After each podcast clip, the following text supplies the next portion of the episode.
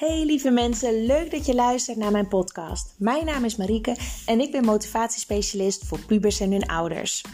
En ik heb een missie. Het is mijn missie om alle gezinnen met pubers meer positiviteit in de puberteit te laten ervaren. En het mooie is, door je dat je dat voor elkaar krijgt, zorg je er ook voor dat de motivatieproblematiek voor school daalt en dat er weer motivatie ontstaat. Want ik weet zeker dat het onnodig afstromen van niveau, dubleren en zakken voor het eindexamen onnodig is als je de motivatieproblematiek op tijd signaleert en aanpakt. Want een motivatieprobleem is een gevolg, geen oorzaak. Veel plezier met het luisteren van mijn podcast. Enjoy! Hey, goedemorgen! Ik ben weer aan het wandelen, dus het kan zijn dat je wat achtergrondgeluiden hoort. Uh, ik ben met Benji aan het wandelen, de hond. En hiernaast loopt een weg, dus je hoort wat uh, autogeluiden wellicht. Maar ik uh, besefte opeens, ik wil een podcast opnemen over ouders die graag controle willen houden over hun tiener. Omdat dit is wat ik de afgelopen weken heel veel tegenkom in mijn praktijk. En ik snap het zelf ook onwijs goed als moeder zijnde.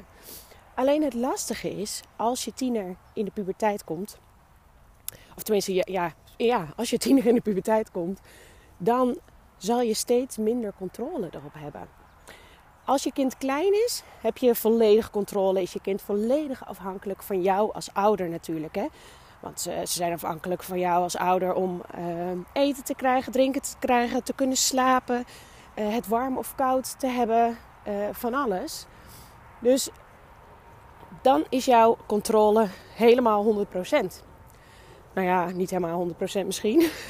maar wel, je hebt hele grote invloed en je bent heel belangrijk. En je kan dat eigenlijk als een soort grafiek zien, een lijngrafiek, die van linksboven van 100% naar rechtsonder naar 0 gaat.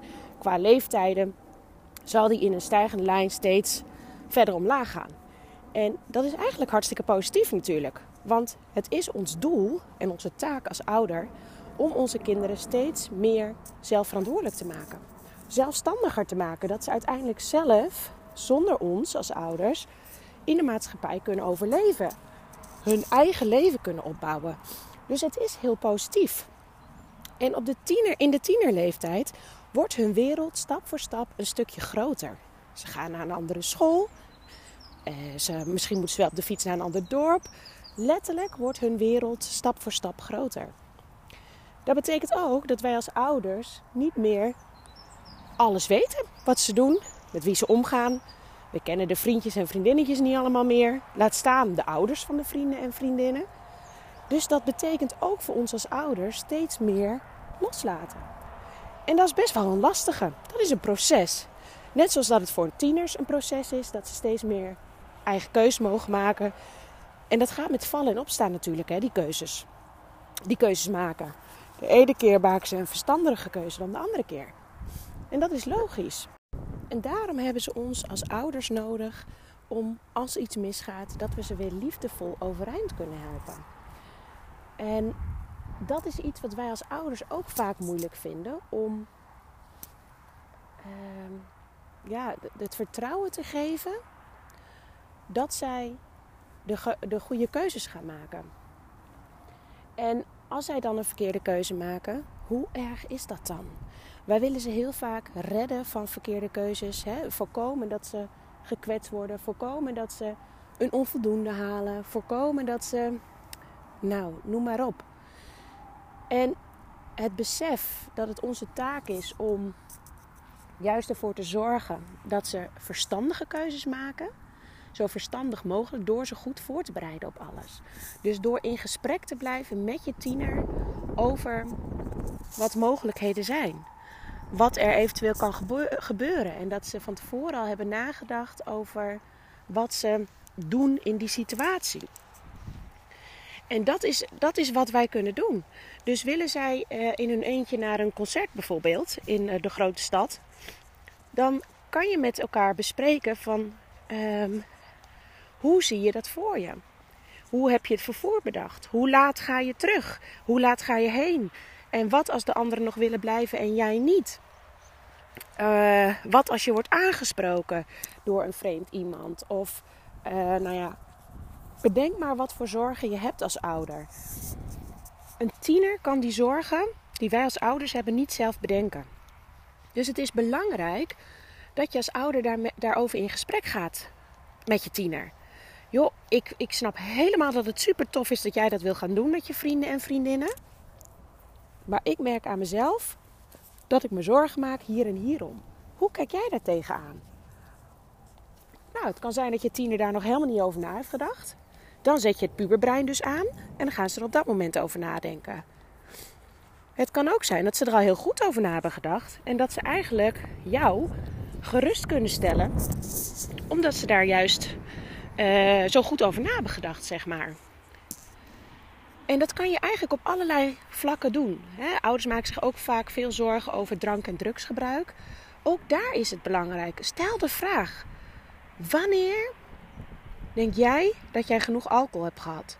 Waar ligt jouw grens? Ze hebben vaak geen idee. En daar kunnen wij als ouder wel invloed op uitoefenen door met elkaar erover te praten. En zo heb ik laatst tijd ook veel gesprekken gehad met tieners die aangaven dat ze vonden dat de regels die hun ouders hebben onredelijk streng zijn. Nou wordt dat wel heel vaak gezegd, moet ik eerlijk zeggen. Maar als ik dan ga doorvragen over wat is er dan zo streng, dan komt het erop neer dat ze zich heel erg gecontroleerd voelen. Net of ouders hun niet vertrouwen. En dat is natuurlijk helemaal niet wat je als ouder wil. Je wil heel graag je kind kunnen vertrouwen. Als het een keer mis is gegaan, dan is het best wel moeilijk om dat vertrouwen weer te krijgen.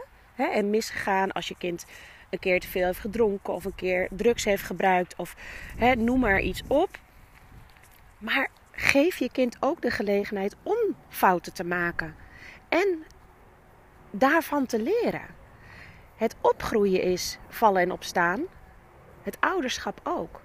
En het is continu zoeken naar loslaten en weer even terug in contact. Loslaten en weer terug in contact. Dat ligt heel erg dicht bij elkaar. Het allerbelangrijkste is dat je dus met elkaar in gesprek blijft erover. Zodra je namelijk heel erg gaat controleren, zal je tiener ervoor kiezen om uit contact te gaan. En met uit contact gaan bedoel ik, ze zullen steeds minder vertellen.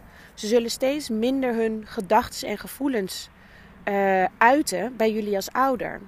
En het gevaar daarvan is dat je nog verder van elkaar verwijderd raakt. Je gaat elkaar nog minder goed begrijpen. En er komen alleen maar meer conflicten. Je tiener doet toch wel wat hij wil. Echt waar. Dus wat je beter kan doen, is er open over blijven. Foute vrienden, laat ze over de vloer komen. Zorg, de zorg die je hebt, bespreek het met je tiener. En niet oordelend van dat is een foute of, of wat dan ook. Nee, joh, ik, ik merk dat, dat uh, die ene vriend op een andere manier uh, over drugs denkt of over geweld denkt of hè, noem maar iets op. Hoe kijk jij daar tegenaan? Dan zet je het puberbrein weer op aan. Dan gaat hij erover nadenken en dan kan hij een reactie geven. En jij kan uit die reactie als ouder opmaken: Oké, ik maak me onterecht zorgen, want hij weet donders goed hoe het zit. Of oké, mijn zorgen zijn terecht, hier moeten we vaker over praten. Uiteindelijk geef je namelijk je tiener gereedschap mee, hè, tools mee, om om te gaan met situaties waarin hij terechtkomt. Waar jij niet bij bent als ouder. Dat is onze taak. Dus stop met het per se willen controleren of hij zijn huiswerk doet, of hij uh, goede cijfers heeft, of hij drank gebruikt. Het lukt je niet om het allemaal te controleren. Maar heb het er met elkaar over. En zoek samen naar een manier om ermee om te gaan. Om er een weg in te vinden. Maak het van jullie samen. want anders dan wordt het tegen elkaar in plaats van met elkaar. En dan verlies je elkaar in het contact. En dan gebeuren er eerder rare dingen dan wanneer je goed in contact bent met elkaar. Dus dat wil ik jullie vooral meegeven. Blijf praten met elkaar. Bespreek heel open en eerlijk jouw zorgen. Ook als je het even niet meer weet. Zeg, joh, ik weet het gewoon even niet meer. Ik merk aan alles dat ik je wil beschermen. Het liefst wil ik je opsluiten in je kamer, zodat je geen gekke dingen doet. Maar ik weet ook dat dat niet, dat dat niet helpend is. Hoe kunnen we ervoor zorgen dat het oké gaat. Dat we niet steeds ruzie hebben om alles. Dat jij je ding kan doen, maar wel binnen onze kaders. En wat spreken we af over als jij je niet aan de afspraken houdt? Wat is dan een goede consequentie? Denk eens met ons mee. Dit is voor tieners heel waardevol. Want dat betekent dat ze gezien, gehoord en serieus genomen worden door jullie als ouder. En dat is wat tieners willen. Sterker nog, dat is wat we allemaal willen, toch? Want dat willen wij ook als ouder. Wij willen als ouder ook dat onze tiener ons ziet, ons hoort en ons serieus neemt. En als je het gevoel hebt dat, dat ze echt een beetje, nou sorry voor mijn woordgebruik, maar scheid hebben aan je. Ja, dan, dan, ga je, ja, dan ga je anders reageren. Dan heb je de neiging om, om, om nog bozer te worden. Nog een keer eroverheen te gaan. En dat werkt niet. Ik wens jullie heel veel succes met in het gesprek, het gesprek aangaan met je tiener en in contact blijven met elkaar. Wees open over je zorgen, wees open over je angsten. Wees open over je struggelingen. Tieners begrijpen veel meer daarvan dan dat wij denken. En hoe mooi is het als wij als ouder ook kwetsbaar durven te zijn? Dan durven ze het andersom namelijk ook. Als jouw tiener ergens tegenaan loopt en hij weet niet hoe hij mee om moet gaan, weet hij, mijn vader of moeder, worstelt ook met dingen. Het is heel normaal dat ik ook worstel. Ik mag ook om hulp vragen. Ik ga het vragen aan mijn ouders. En dat is wat we willen. Yes? Alright. Heel veel succes. En ik ben heel benieuwd wat je uit deze podcast haalt. Dus als je me een persoonlijk berichtje wil sturen, een WhatsAppje of een DM'tje via Instagram of wat dan ook, dan vind ik het super leuk om te weten wat je uit deze podcast hebt gehaald. Ik wens jullie een hele fijne woensdag. Doei doei.